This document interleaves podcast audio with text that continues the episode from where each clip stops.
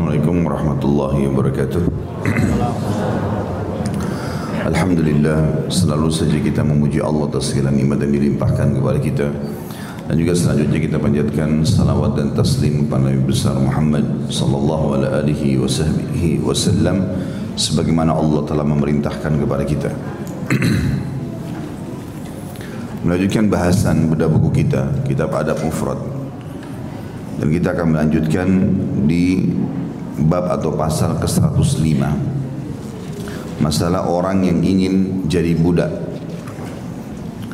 Sebelumnya kita sudah sempat membahas pasal ke-104 masalah budak adalah pemimpin dan ini sudah kita jelaskan panjang lebar masalah hadis Nabi alaihi salatu wasallam kalau budak adalah pemimpin terhadap harta majikannya dan dia akan bertanggung jawab terhadap harta tersebut baik itu rumah, mobil, apa saja ya yang merupakan titipan majikan yang pada saat majikan lagi sedang tidak di rumah.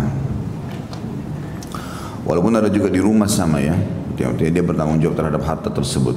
Dan ini masuk tentu secara aplikasi kepada seluruh orang yang punya tanggung jawab diamanahkan sesuatu, staf di kantor, pembantu rumah tangga, supir, semua ini masuk di dalam hal ini dalam aplikasinya. Tentu saya sudah pernah bilang statusnya berbeda dengan budak, tetapi dalam aplikasi maka akan sama hukumnya dan juga akan sama mendapatkan pahala bila dia niatkan berbuat baik. Karena hadis Nabi SAW tentang budak, kalau dia berbuat baik pada Tuhannya, dia ibadah baik kepada Allah dan juga berbuat baik pada majikannya, maka dia akan mendapatkan double pahala. Ini sudah kita jelaskan panjang lebar pada pertemuan sebelumnya dan insya Allah kita akan masuk sekarang ke pasal baru dan ini e, pernyataan Abu Hurairah radhiyallahu anhu yang berharap menjadi budak nah, dalam Islam hanya karena niat ingin mendapatkan pahala. Imam Bukhari rahimahullah berkata di hadis nomor 208 Ismail mengabarkan kepada kami ia berkata Sulaiman bin Bilal mengabarkan kepadaku dari Yunus dari Az-Zuhri dari Sa'id bin Musayyab an Abi Hurairah radhiyallahu anhu anna Rasulullah sallallahu alaihi wasallam qal al-'abdul muslimu idza adda haqqallahi wa haqqa sayyidihi lahu ajran والذي نفس أبي هريرة بيدي لولا الجهاد في سبيل الله والحج وبر أمي لأحببت أن أموت مملوكا Dari Abu Hurairah radhiyallahu bahwasanya beliau berkata Rasulullah sallallahu alaihi wasallam bersabda jika hamba sahaya muslim memenuhi hak Allah dan juga hak tuannya atau majikannya maka baginya dua pahala. Demi Rob yang jiwa Abu Hurairah berada di tangannya kalau sekiranya bukan karena mau berjuang di jalan Allah dan menunaikan ibadah haji serta berbakti kepada ibuku niscaya aku lebih senang mati dalam keadaan menjadi hamba sahaya. Kandungan hadis ini yang pertama, pelipat gandaan pahala bagi budak yang baik dalam beribadah kepada Robnya dan melayani majikannya dengan sepenuh hati. Khusus poin ini sudah pernah kita jelaskan dan berulang-ulang kita paparkan pada pertemuan sebelumnya. Jadi budak mana pun yang ibadahnya, solatnya bagus, puasanya bagus, semua perintah Allah dia jalankan dan juga perintah majikannya selama bukan maksiat kepada Allah maka dia akan mendapatkan dua pahala. Yang kedua, gugurnya kewajiban jihad dan haji dari budak. Nanti akan kita jelaskan masalah hukum ini tentunya. Kemudian yang ketiga, yang dimaksud dengan berbakti kepada ibu dalam hadis di atas adalah mengurusnya dalam hal nafkah, pelayanan dan semisalnya yang tidak dapat dilakukan oleh seorang budak karena seorang budak mesti melayani majikannya. Begitu pula dia tidak memiliki harta karena dirinya berikut hartanya merupakan milik majikannya. Kita rincikan hadis ini supaya lebih difahami kandungan maknanya. Potongan dari pertama dari hadis, ya, kalau kita berikan nomor seperti biasa, adalah sabda Nabi SAW Al-abdul muslimu idha adda haqqallahi wa haqqa sayyidihi lahu ajran. Sesungguhnya seorang budak kalau memberikan hak tuannya Hak Tuhannya dan hak tuannya Maka dia akan mendapatkan dua pahala. Saya sudah katakan tadi hadis ini atau potongan ini sudah sering kita jelaskan ya.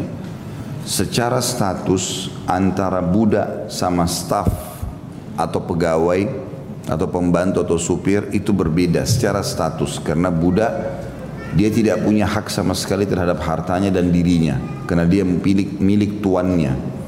Dia bisa diperjualbelikan setiap saat. Dan dia termasuk harta tuannya. Bukan cuma dia dia dan seluruh harta atau pendapatan yang dia dapatkan gitu. Secara status beda dengan staf, pegawai, orang bebas. Tetapi secara aplikasi lapangan akan sama. Ya, artinya kalau seorang budak menjalankan hak Tuhannya dan hak, tuannya, dia akan dapat dua pahala.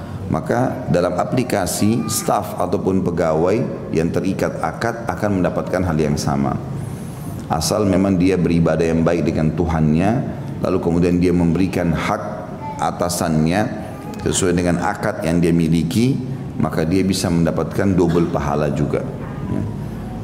misal seorang bendahara ya, atau sekarang akunting ya. Dia gajinya 5 juta. Tapi dia kerja di yayasan sosial. Di yayasan sosial itu ada alokasi zakat mal 10 miliar. Dan dia coba untuk mengeluarkan zakat mal itu sesuai dengan tugas dia. Maka di sini dia bisa mendapatkan pahala sedekah 10 miliar. Karena dia menjalankan itu. Karena dia menjalankan itu walaupun gajinya cuma 5 juta dan apa pun yang berhubungan dengan masalah pengeluaran dalam perusahaan itu kalau dia terlibat kalau dia ikhlas kepada Allah Subhanahu wa taala dan dia menjalankan tugas sesuai dengan akad maka dia dapat pahalanya. Jadi walaupun dia tidak keluarkan uang 10 miliar untuk sedekah atau zakat, dia dapat karena dia menjadi penyebab daripada teralokasikan perbuatan baik tersebut. Dan seluruh kegiatan sama. Jadi kalau teman-teman bekerja di perusahaan, lalu kita ikhlas dalam menjalankan tugas kita, walaupun kita di salah satu unit perusahaan itu, kemudian perusahaan berkembanglah gara-gara perbuatan kita atau amal yang kita kerjakan, maka bisa saja seluruh gaji yang diberikan kepada staf-staf di situ, pegawai-pegawai, sehingga keluarga mereka hidup segala macam, ini adalah sumber pahala buat kita. Berapa banyak orang di perusahaan itu yang hidup, apalagi kalau perusahaannya besar, pegawainya seribu, dua ribu orang, dan kita bagian akunting misalnya, atau kita bagian pengadaan, atau kita bagian apalah di situ, dan ini salah satu daripada penyebab roda perusahaan bisa berjalan. Maka kita panen pahala itu semua. Tinggal bagaimana teman-teman sekalian kita ikhlaskan niat. Maka Allah subhanahu wa ta'ala akan berikan itu.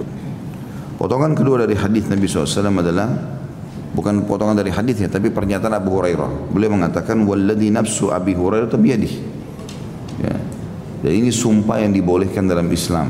Sumpah yang dibolehkan dalam Islam. Yaitu dia mengatakan demi jiwa Abu Hurairah yang ada di tangannya. Jadi kita bisa mengatakan demi jiwa, misalnya saya mengatakan jiwa, demi jiwa Khalid yang berada di tangan Allah atau di tangannya. Ini sumpah juga. Artinya kita memang bersumpah atas nama Zat Allah yang memegang ruh kita. Dan ini sering diucapkan oleh Nabi Sallallahu Alaihi Wasallam. Jadi mirip dengan demi Allah, tetapi dia ya, berbeda lafaz saja. Nah, ini boleh. Ini bagian kedua dari hadis yang kita ambil pelajaran boleh kita bersumpah dengan itu. Sebagian ulama mengatakan boleh bersumpah kalau penisbatan juga penghambaan kepada Allah misalnya demi Tuhannya Ka'bah. Maka itu dibolehkan. Yang tidak boleh kalau bersumpah atas nama makhluk tanpa ada penisbatan kepada Allah sementara seperti orang bilang demi Rasulullah biasa di Indonesia nah, itu tidak boleh. Ya. Jadi dia bersumpah demi Nabi. Nah, itu nggak boleh karena sumpah hanya untuk Allah Subhanahu wa taala. Kemudian potongan yang ketiga dari perkataan Abu Hurairah mengatakan laulal jihadu fi sabilillah kalau bukan karena jihad di jalan Allah apa hubungannya antara jihad sama perbudakan jadi budak ini teman-teman sangat terikat dengan majikannya dia nggak bisa sama sekali beraktivitas apa pun tanpa izin majikannya karena dia bagian daripada harta majikannya Secara status memang begitu. Beda dengan pegawai yang bebas hanya terikat akad kerja saja. Tapi kalau budak itu dirinya seluruh hartanya milik majikannya. Majikannya bisa jual dia setiap saat. Tapi dalam Islam tidak boleh menzalimi mereka. nggak boleh memukul, ya sudah kita pelajari dalam pasal-pasal sebelumnya tentang masalah tidak boleh menzalimi mereka, bahkan sunnahnya memberikan pakaian buat mereka, memberikan makanan buat mereka seperti yang kita miliki, ya. Maka termasuk jihad, kalau seorang anak mau pergi jihad, maka dia izin sama orang tuanya. Kalau budak izin sama majikannya. Kapan majikannya izinkan boleh, kalau tidak tidak. Walaupun yang jadi budak muslim majikannya kafir. Tetap dia tidak boleh bergerak. Makanya Salman Al-Farisi radhiyallahu anhu, sahabat Nabi yang mulia, pernah terikat menjadi budak di tangan seorang Yahudi. Maka dia nggak bisa beraktivitas apa-apa. Dan pada saat dia mau bebaskan diri, Yahudi ini memberatkan dia. Dia harus menanam, menanamkan seribu pohon kurma itu bukan hal yang ringan, berat. Seperti kita seribu pohon kelapa. Seperti Yahudi ini nggak mau lepasin dia. Tapi dia melapor kepada Nabi SAW, lalu Nabi SAW menyuruh para sahabat membantu. Setiap orang menyumbang satu bibit, dua bibit, tiga bibit, sampai terkumpul semuanya. Lalu setelah terkumpul kata Nabi SAW, biarkan aku yang menanamnya. Maka Nabi SAW tanam dengan tangan beliau yang mulia, maka semua pohon itu menjadi subur. Akhirnya bebaslah dia. Gitu. Walaupun masih ada juga permintaan uang lagi selain pohon kurma itu ya. Tapi selama masih terikat dengan majikannya, walaupun majikannya kafir, sudah terlanjur jadi budak dia, maka dia tidak bisa berbuat apa-apa. Karena majikannya bisa menjualnya, bisa segala macam. Tidak. Ya, itu yang dimaksud di sini. Nah dalam bab jihad, dia tidak bisa sama sekali teman-teman sekalian, dia tidak akan pernah bisa sama sekali untuk pergi jihad sampai izin majikannya harus izin majikan baru boleh. Kemudian haji juga sama. Kalau dia mau pergi haji, dia mau pergi umroh harus izin sama majikan. Majikannya izinkan bisa, kalau enggak enggak. Sampai sekarang sebenarnya yang saya dapat informasi tapi saya nggak pernah lihat sendiri ya. Itu masih ada beberapa negara di Afrika yang masih ada keturunan budak. Tapi turun temurun dari zaman dulu.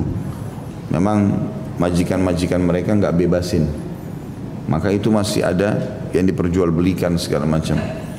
Beberapa teman-teman kita di Timur Tengah, kalau mereka mau bayar kafarah, denda kayak siang hari Ramadan berhubungan biologis suami istri, atau uh, denda sumpah ya, ya yang salah misalnya, maka salah satunya bebasin budak. Itu mereka ngirim uang ke sana. Kalau saya tahu saya saya dengarnya sekitar 10 ribu real. 35 jutaan. Termasuk juga bisa alokasi zakat mal dari delapan golongan penerima zakat. Salah satunya adalah pembebasan budak. Bebasin budak. Maka itu masih ada di sana dan sebagian mereka kalau pergi haji membawa budak-budaknya yang banyak supaya dapat pahala banyak di Mekah mereka bebasin. Mereka mengatakan sambil haji kalian bebas karena Allah supaya pahalanya lebih besar.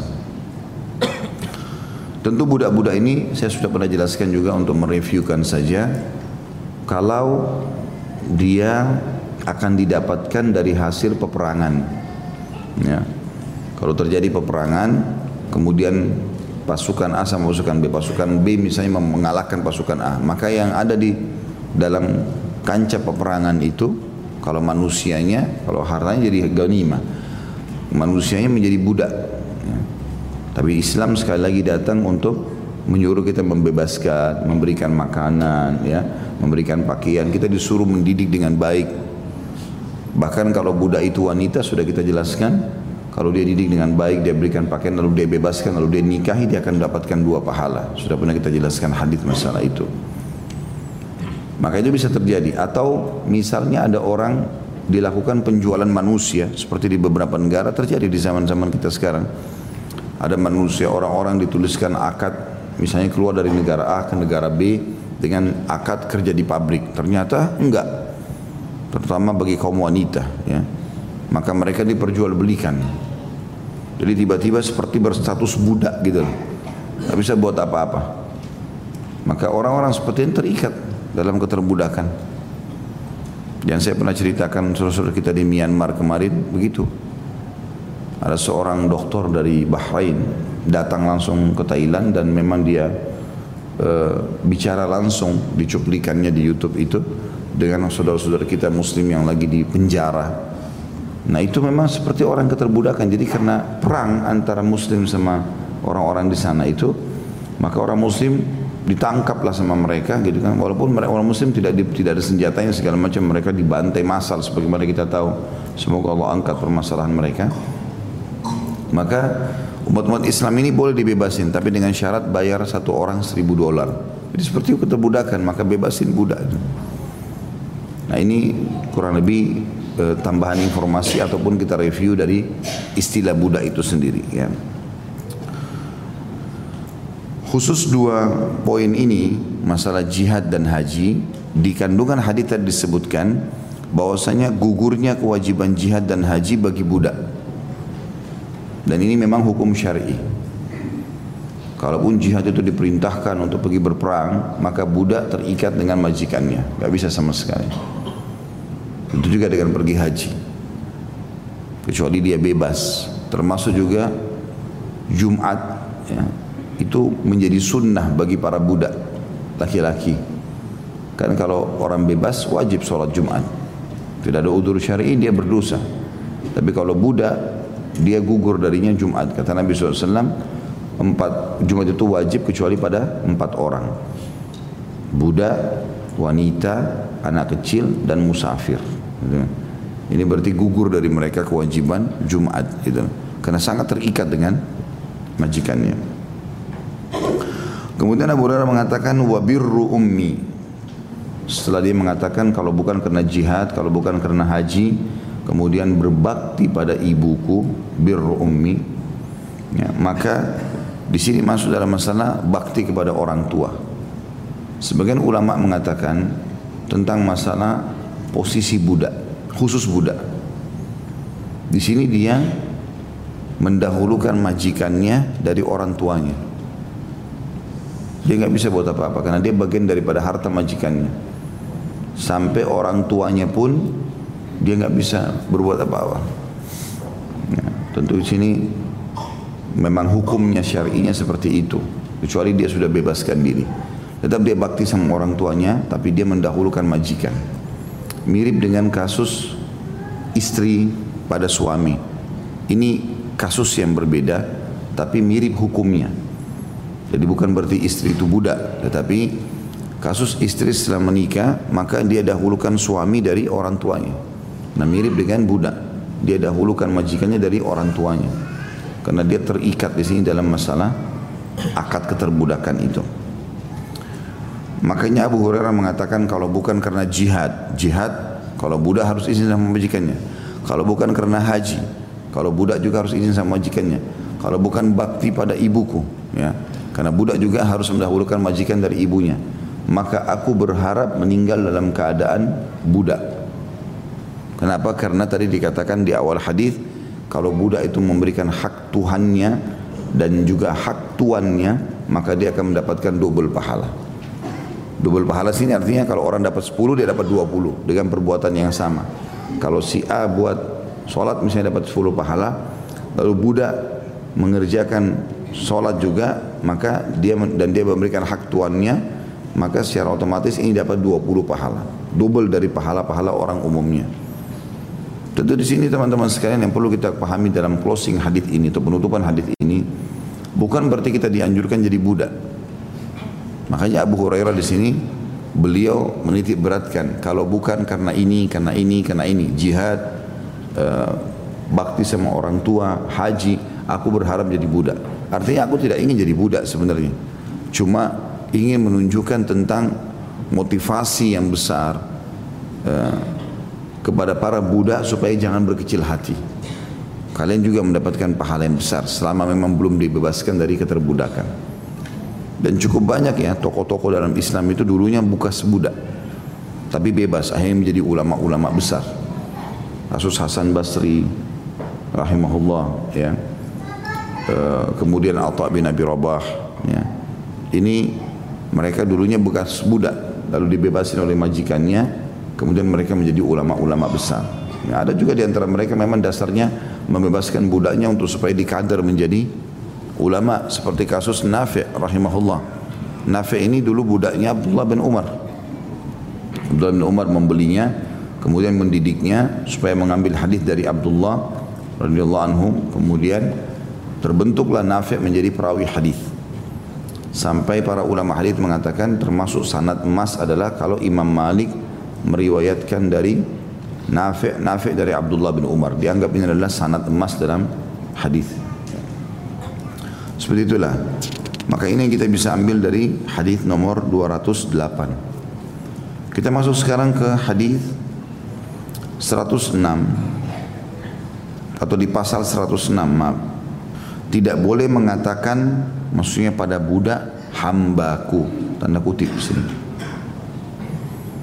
Imam Bukhari berkata rahimahullah hadis nomor 209 Muhammad bin Abdullah mengabarkan kepada kami ia berkata Ibnu Abi Hazim mengabarkan kepadaku dari Al-Ala dari ayahnya an Abi Hurairah radhiyallahu anhu anin Nabi sallallahu alaihi wasallam qal la yakul ahadukum abdi amati kullukum abidullah wa kullu nisaikum ima'ullah wal yakul gulami jariyati wa fataya wa fatati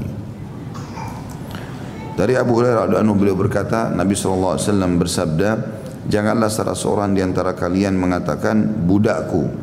Kalian semua adalah hamba Allah dan semua istri kalian adalah juga hamba Allah. Melainkan katakanlah gulami, jariyati, amati. Ya. Enggak ada amati ini ya. Ini dihapus ini. Terjemahannya lebih ini. Yang benar gulami, jariyati itu amati tidak ada, dihapus fataya ada dan fatati. Kandungan hadis ini nanti akan kita jelaskan lebih jauh tentunya insyaallah. Kandungan hadis ini yang pertama dalam hadis di atas terdapat larangan bagi seorang majikan untuk mengucapkan perkataan wahai hambaku kepada budak yang ia miliki karena hakikat penghambaan hanya patut ditujukan kepada Allah taala saja. Selain itu, ucapan tersebut mengandung unsur pengagungan yang tidak layak ditujukan dan disematkan kepada makhluk. Yang kedua, dalam hadis di atas terdapat perintah untuk memilih dan menggunakan lafaz dan kata-kata yang dapat menyampaikan maksud yang diinginkan tanpa menimbulkan kecongkakan seperti ucapan wahai pelayanku dan wahai pembantuku. Baik, sekarang kita jelaskan hadis ini. Potongan pertama adalah Sabda Nabi sallallahu alaihi wasallam la yakul ahadukum abdi amati kullukum abidullah. Artinya janganlah seseorang di antara kalian mengatakan kepada budak laki-lakinya dia mengatakan wahai budakku dan budak perempuannya dia mengatakan wahai budakku. Karena kalian semua ya, adalah hamba Allah. Di sini ada kalimat atau kosakata bahasa Arab perbedaan antara budak laki-laki dan budak perempuan. Kalau budak laki-laki abd, ya. Kalau hamba atau budak perempuan amah. Tetapi kalimat abd dan amah ini paling layak digunakan hanya untuk penisbatan kepada Allah. Jadi kalau orang namanya Abdullah, abd itu artinya hamba. Ya. Tapi kita bilang Abdullah hambanya Allah, masuk akal, nyambung karena penisbatan penghambaan kepada Sang Pencipta Allah Subhanahu wa taala ya. Tapi enggak boleh kita menggunakan kalimat ini sambil mengatakan kepada budak kita abdi wahai hambaku karena ini hanya layak Allah yang gunakan ini. Ini penghambaan khusus untuk kosakata ini tidak boleh sama sekali. Jadi tidak boleh kita mengatakan hambaku itu bahasa sederhananya. Baik hamba laki-laki abd atau hamba perempuan amah. Hmm. Sekaligus juga saya tambahkan di sini teman-teman sekalian Nama yang paling dicintai oleh Allah subhanahu wa ta'ala adalah penisbatan penghambaan kepadanya. Makanya kata Nabi SAW, nama yang paling Allah cintai adalah Abdullah dan Abdurrahman. Datang setelahnya seluruh penisbatan kepada Allah seperti Abdul Syakur, Abdul Ghafur, ya Abdul Tawwab. Ini semua dari Asma'ul Husna diambil. Ya. Kalau perempuan Amatullah, Amatur Rahman. Ya, ini amah diganti abdnya. Mungkin ini yang masih belum kita pakai di Indonesia ya. Menggunakan istilah amah bagi anak perempuan tapi penisbatan kepada Allah. Yang kita banyak pakai Abdullah ya untuk laki-laki. Tapi perempuan amatullah belum pernah gitu. Padahal sebenarnya ini digunakan oleh para sahabat. Hampir seluruh sahabat itu kalau punya anak perempuan banyak maka di antara anak perempuannya pasti ada dinamakan amatullah ya. seperti kalau tidak salah anaknya Zubair bin Awam Talha bin Ubaidillah banyak sahabat-sahabat Nabi yang dijamin masuk surga pun mereka menamakan anak mereka dengan ini jadi ini penisbatan hanya untuk kepada Allah Subhanahu wa taala. Potongan hadis yang kedua Maaf, eh, masih ada dari potongan yang pertama, kullukum abidullah dan kalian semua hamba Allah. Artinya, kalau bukan karena keadaan yang membuat mereka jadi status hamba atau budak, maka tentu mereka tidak akan menjadi seperti itu. Ini ditarik dalam semua lini kehidupan ya. Kalau Allah subhanahu wa ta'ala memberikan kita kelebihan, kita bersyukur kepada Alhamdulillah. Paras wajahnya, poster tubuhnya, hartanya, apalah ilmunya. Maka dia syukuri Allah subhanahu wa ta'ala. Kalau ada orang yang sedang membantu dia ya, di pekerjaannya, jangan sampai dia menganggap remeh mereka. Karena sebenarnya kalau bukan karena keadaan ekonomi atau jenjang pendidikan ya atau jenjang sosial mereka tidak akan jadi seperti itu. Oleh karena itu kita harus bermuamalah yang baik sama mereka. Allah amanahkan pegawai, Allah amanahkan pembantu, Allah amanahkan supir, semuanya itu kita tetap harus berbuat baik sama mereka. Ya, di antara itu berbuat baik sudah kita jelaskan yang memberi makan, memberi pakaian, memberi yang terbaik yang bisa kita lakukan. Potongan yang kedua, uh, maaf, ini masih potongan yang pertama masih bersambung saya tidak bahas tadi ini. Kullukum abidullah wa kullu nisaikum ima'ullah. Semua kalian adalah hai laki-laki abidullah, hamba Allah dan istri-istri kalian dan seluruh wanita yang berada di bawah naungan kalian adalah ima'ullah. Kalimat ima'ullah jamak daripada amah. Yang tadi saya bilang, penisbatan hamba kepada Allah kalau perempuan amah. Tadi kan kalau laki-laki kalau namanya Abdullah, laki perempuan amatullah. Maka ini masuk dalam potongan yang pertama hadis ya. Wa kullu kullukum abidullah. Kalian semua yang laki-laki adalah hamba Allah. Wa kullu nisaikum ima Allah. Dan semua wanita kalian adalah hamba Allah juga tapi menggunakan bahasa ima. Jamak daripada amah. Jelas nggak ini? Jelas. Hah? Kenapa makin banyak orang yang ruku-ruku saya lihat ini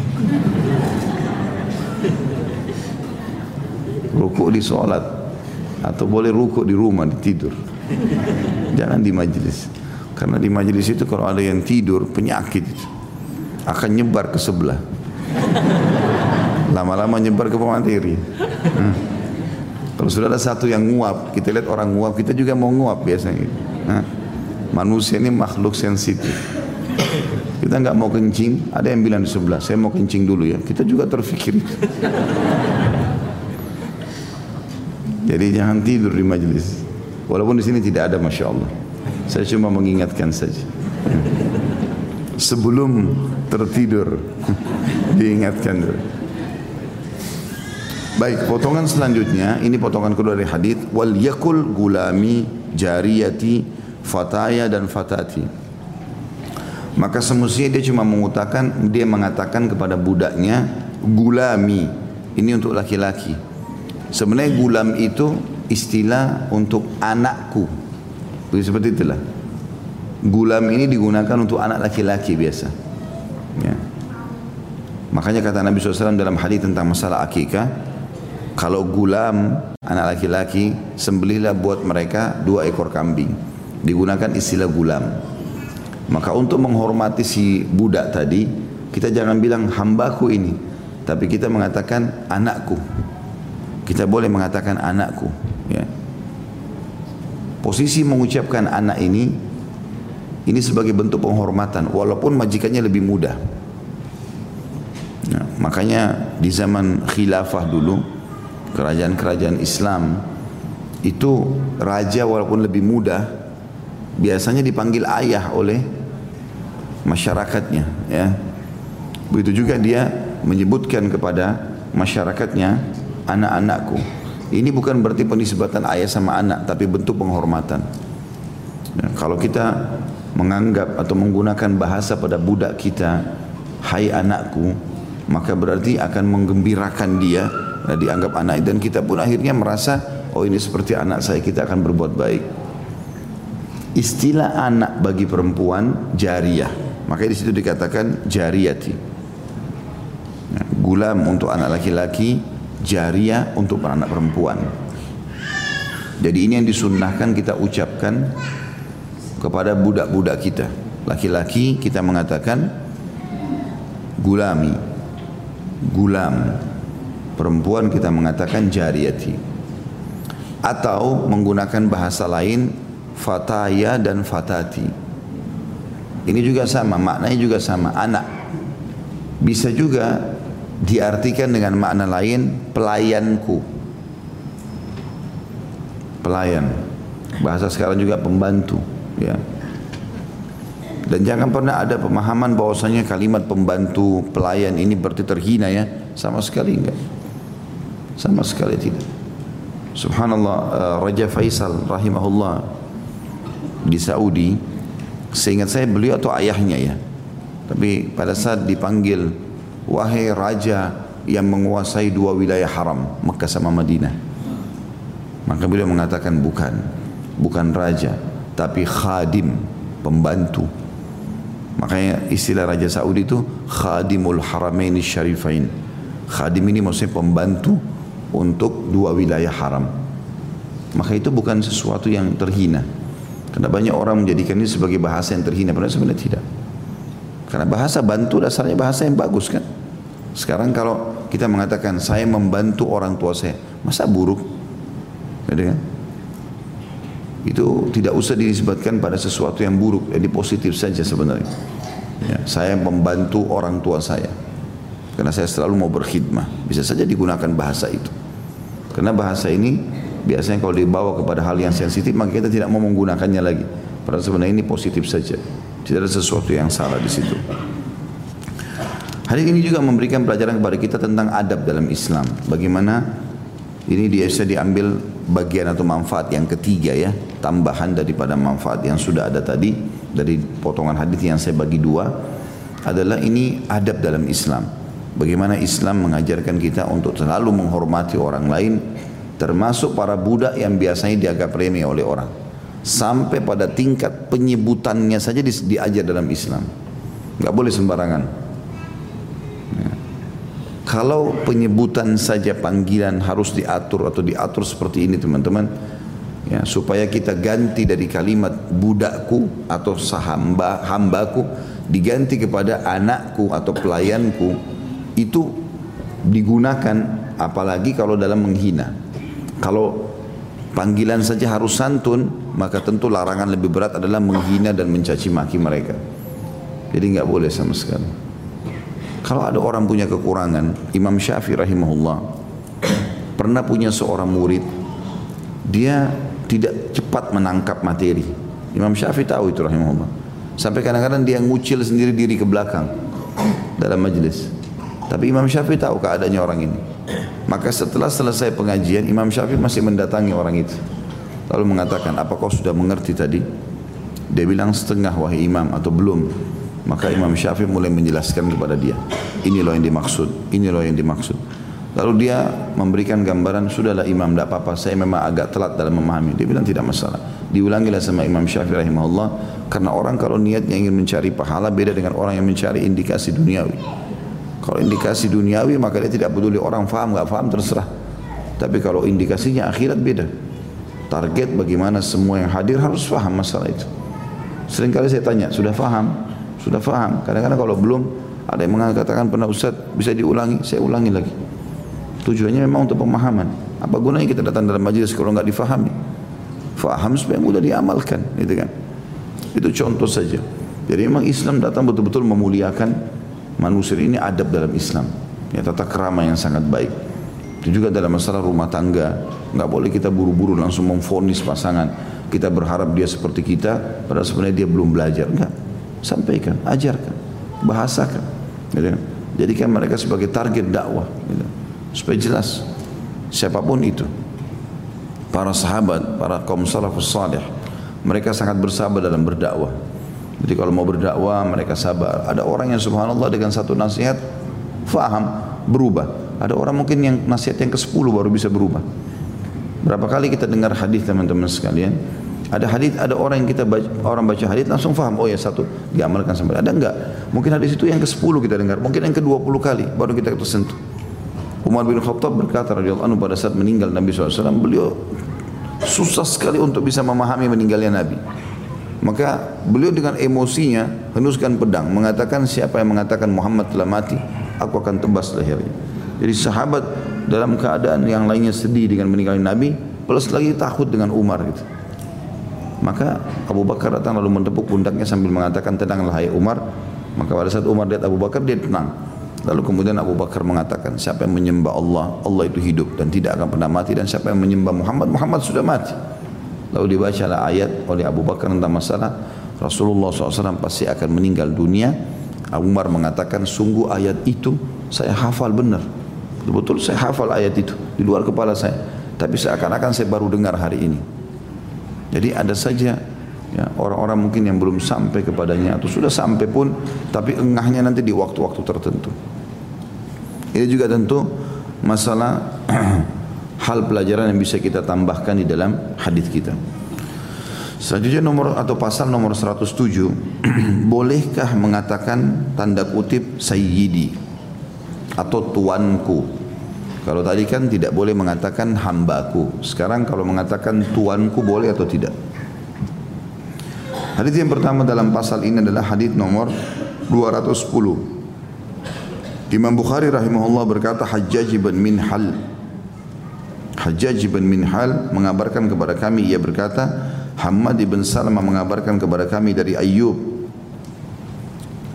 koma Habib koma dan Hisham tiga orang dari Muhammad an Abi Hurairah radhiyallahu anhu anin Nabi sallallahu alaihi wasallam. Qal la yaqulanna ahadukum abdi wa amati wa la yaqulanna al-mamluku rabbi wa rabbati wal yakul fataya wa fatati wa sayyidi wa sayyidati kullukum kullukum mamlukun war rabbullahu azza wa jalla Dari Abu Hurairah radhiyallahu anhu dari Nabi sallallahu alaihi wasallam beliau bersabda janganlah salah seorang di antara kalian berkata abdi hambaku dan jangan pula dia berkata atau janganlah budak berkata Robbi Robku hendaklah ia berkata fataya dan fatati atau itu serta sayyidi dan sayyidati. Setiap kalian adalah hamba dan Rob pemilik kalian adalah Allah subhanahu wa ta'ala Allah maha suci dan maha pemurah.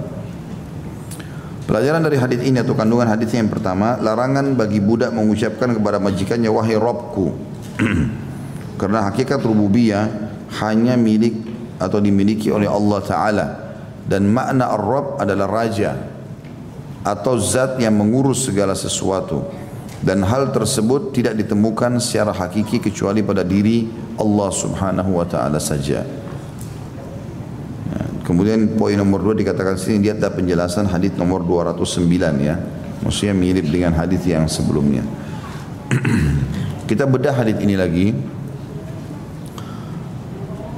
Perkataan Nabi SAW, La yakulanna ahadukum. Janganlah seseorang dan antara kalian mengucapkan ini berarti larangannya sangat tegas berhubungan dengan masalah itu. Larangannya sangat tegas. Berarti tidak boleh sama sekali mengucapkan ini. Apa yang dilarang? Abdi wa amati. Sudah kita jelaskan di hadis sebelumnya. Abd, hamba sahaya, ya atau hamba kepada laki-laki, budak laki-laki, dan ama budak perempuan. Karena ini adalah penghambaan atau penisbatan ini hanya untuk Allah Subhanahu wa taala. Abdullah atau amatullah. Dan ini sudah kita jelaskan tadi, wala yakulannal mamluk rabbi wa rabbati. Ini yang kita ingin tambahkan pada hari ini atau pada hadis ini. Dan janganlah seseorang budak berkata kepada atau kepada majikannya rabbi wa rabbati. Jadi ini istilah bahasa Arab ya. Kalau Rob itu artinya pencipta, pemilik, penguasa. Walaupun salah satu makna Rob adalah pemilik. Tidak boleh dia mengatakan ini Robbi. Maksudnya ini pemilikku. Ini yang memiliki aku. Tapi itu tidak boleh dibahasakan. Karena istilah Rob hanya untuk Allah subhanahu wa ta'ala. Maka kita bilang Robbi gufirli. Wahai penciptaku. ya, pemilikku, penguasaku atau yang menguasai aku. Hmm, ampunilah aku misalnya. Maka tidak boleh seseorang budak mengatakan kepada majikannya, kau Robbi. Ya. Begitu juga dengan perempuan Rabbati. Tetapi wal yakul fataya wa fatati tetapi seorang majikan boleh berkata ini pelayan laki-lakiku, ini pelayan perempuanku atau ini anak laki-lakiku, ini anak perempuanku. Wa sayyidi wa sayyidati. Dan boleh seorang budak berkata pada majikannya julukan tuanku. Ya, majikanku itu boleh dibahasakan. Nah, itu dianjurkan dalam hadis ini. Kalau perempuan laki-laki sayyidi, kalau perempuan sayyidati. Ya. Dan ini biasa kalau orang-orang Arab dalam pertemuan-pertemuan yang besar mereka juga membahasakan para hadirin dengan tuan-tuan. Kayak kita biasa bilang tuan-tuan ya, yang hadir gini-gini gitu kan. Nah, di dalam bahasa Arab ada sayyidi wa sayyidati. Pada tuan laki-laki dan tuan perempuan yang hadir seperti itu, nah, itu dibolehkan. Alasannya kata Nabi SAW, kullukum mamlukun karena kalian semua adalah hamba yang terikat. Ya. Kepada siapa? Warrabbu Allahu Azza wa Jalla. Dan Rob yang sebenarnya, pemilik yang sebenarnya adalah Allah yang maha suci dan maha pemurah. Dan situ dijelaskan tadi di poin pertama masalah kandungan hadis adalah rububiyah. Kalimat rububiyah ya, sama diambil dari kata Rob. Kita mengesahkan Allah Subhanahu wa taala ya untuk lebih rinci melalui tiga poin ya. Tauhid rububiyah namanya. Mengesahkan Allah dari sisi Robnya, penciptaannya. Ini teman-teman sekalian mengakui langit, bumi, pergantian siang malam, fenomena yang terjadi di antaranya lah hujan segala macam itu yang ciptakan Allah. Itu namanya rububiyah dan kita harus bertauhid di situ, mengisahkan Allah. Yang kedua tauhid uluhiyah. Pengisahan Allah dari sisi ibadah. Nah, orang-orang Mekah dulu mereka bertauhid secara rububiyah, tapi mereka tidak bertauhid secara uluhiyah. Kalau orang-orang Mekah dulu Abu Jahal, Abu Lahab ditanya, siapa yang ciptakan Ka'bah ini? Punya siapa Ka'bah ini? Mereka bilang Allah. Siapa yang ciptakan langit dan bumi, mengatur pergantian matahari dan bulan atau siang, pagi, pagi dan malam? Mereka akan mengatakan Allah. Maka mereka bertauhid kepada Allah dari sisi rububiyahnya. Mereka tahu patung-patung ini nggak bisa menciptakan apa-apa. Maka waktu ditanya, kenapa kalian sembah patung-patung ini? Allah kekalkan melalui lisan mereka dalam Al-Quran, Ma na'buduhum illa liyukarribuna inallahi zulfa. Kami enggak sembah berhala-berhala ini kecuali menjadi perantara antara kami sama Allah. Sementara Allah enggak mau perantara benda mati. Kalau orang tua kita masih hidup, kita mengatakan tolong doakan saya, teman kita orang soleh, guru kita, mungkin. Tapi kalau orang sudah mati, enggak boleh kita minta supaya dia berdoa kepada Allah untuk kita, karena sudah meninggal dunia. Nah, itu. Nah secara uluhiyah ibadah setelah kita yakin Allah yang menciptakan langit dan bumi kita juga harus mengisahkan Allah dari sisi ibadah. Jadi puasa, sholat, tawaf, zikir semua ini hanya kepada Allah SWT itu namanya tauhid uluhiyah. Nah orang-orang Mekah dulu mereka bertauhid rububiyah tapi mereka tidak bertauhid uluhiyah. Mereka masih mempartnerkan Allah dengan makhluk di ubudiyahnya di penyembahannya jadi mereka menyembeli untuk Allah juga menyembeli buat berhala. Ya. Mereka bersedekah buat Allah, mereka bersedekah juga buat berhala-berhala mereka, gitu kan. Maka ini mereka merusak namanya tauhid uluhiyahnya. Kemudian yang ketiga adalah tauhid asmaus sifat atau mengisahkan Allah dari sisi nama-nama dan sifat-sifatnya. Jadi kita harus betul-betul memurnikan nama-nama dan sifat Allah dan kita yakini semua apa adanya. Misalnya Allah tersenyum kata Nabi SAW ya atau Allah ya Allah tersenyum dalam hadis sahih dengan dua orang yang saling bunuh membunuh tapi dua-duanya masuk surga. Dua-duanya masuk surga. Lalu sahabat bertanya ya Rasulullah bagaimana ceritanya itu? Nabi bilang ada muslim dibunuh oleh kafir. Maka masuk surga lah si muslim kena mati syahid. Berjalan waktu si kafir ini dapat hidayah. Dapat hidayah dia masuk Islam, dia juga berperang, dia pun terbunuh mati syahid. Maka Allah tersenyum melihat dua orang ini. Dua-duanya mati syahid, dua-duanya masuk surga.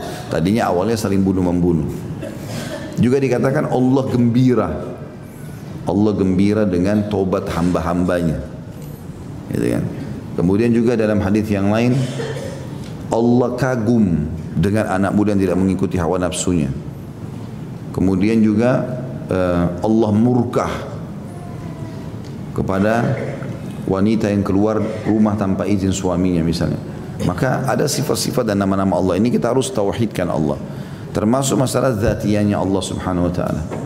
Ya Allah mengatakan tentang penglihatan tajri bi ayunina semua itu berjalan sesuai dengan pengawasan mata-mata kami. Ya sudah. Allah mengatakan Allah punya mata. Allah mengatakan dalam surah Ar-Rahman, "Kullu man 'alaiha fan wa yabqa wajhu rabbika dzul jalali wal ikram."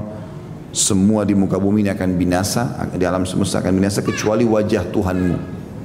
Hai Muhammad yang mulia, gitu kan. Maka ini Allah menyebutkan ada wajahnya. Juga tentang tafsir surah Qaf. Masalah neraka yang Allah mengatakan halim talati wa taqulu yauma naqulu li jahannam halim talati wa taqulu hal min mazid. Nanti pada hari kiamat kami akan katakan kepada neraka apakah kau sudah penuh? Neraka akan mengatakan apakah masih ada tambahan? Maka kata Nabi SAW terus neraka mengatakan lemparkan ya Allah, tambahkan ya Allah, naudzubillah penghuninya sampai Allah zat yang maha mulia meletakkan telapak kakinya pada neraka sehingga neraka itu mengerut seperti kerutnya daging. Ya, dan dia mengatakan cukuplah dengan kemuliaanmu, cukuplah dengan kemuliaanmu. Maka Allah SWT sebutkan tentang masalah itu. Ya. Ini semua kita harus mentauhidkan Allah SWT. Kita esakan Allah dan tidak samakan dengan makhluk. Ya. Maka ini tiga macam pengisaan kepada Allah Subhanahu wa taala. Tadi kita singgung ini karena ada penjelasan masalah tauhid rububiyah atau bagaimana kita tidak menggunakan bahasa Rob ya, pencipta dan pemilik ini kepada majikan. Tapi kita boleh mengatakan bahasa Tuhan.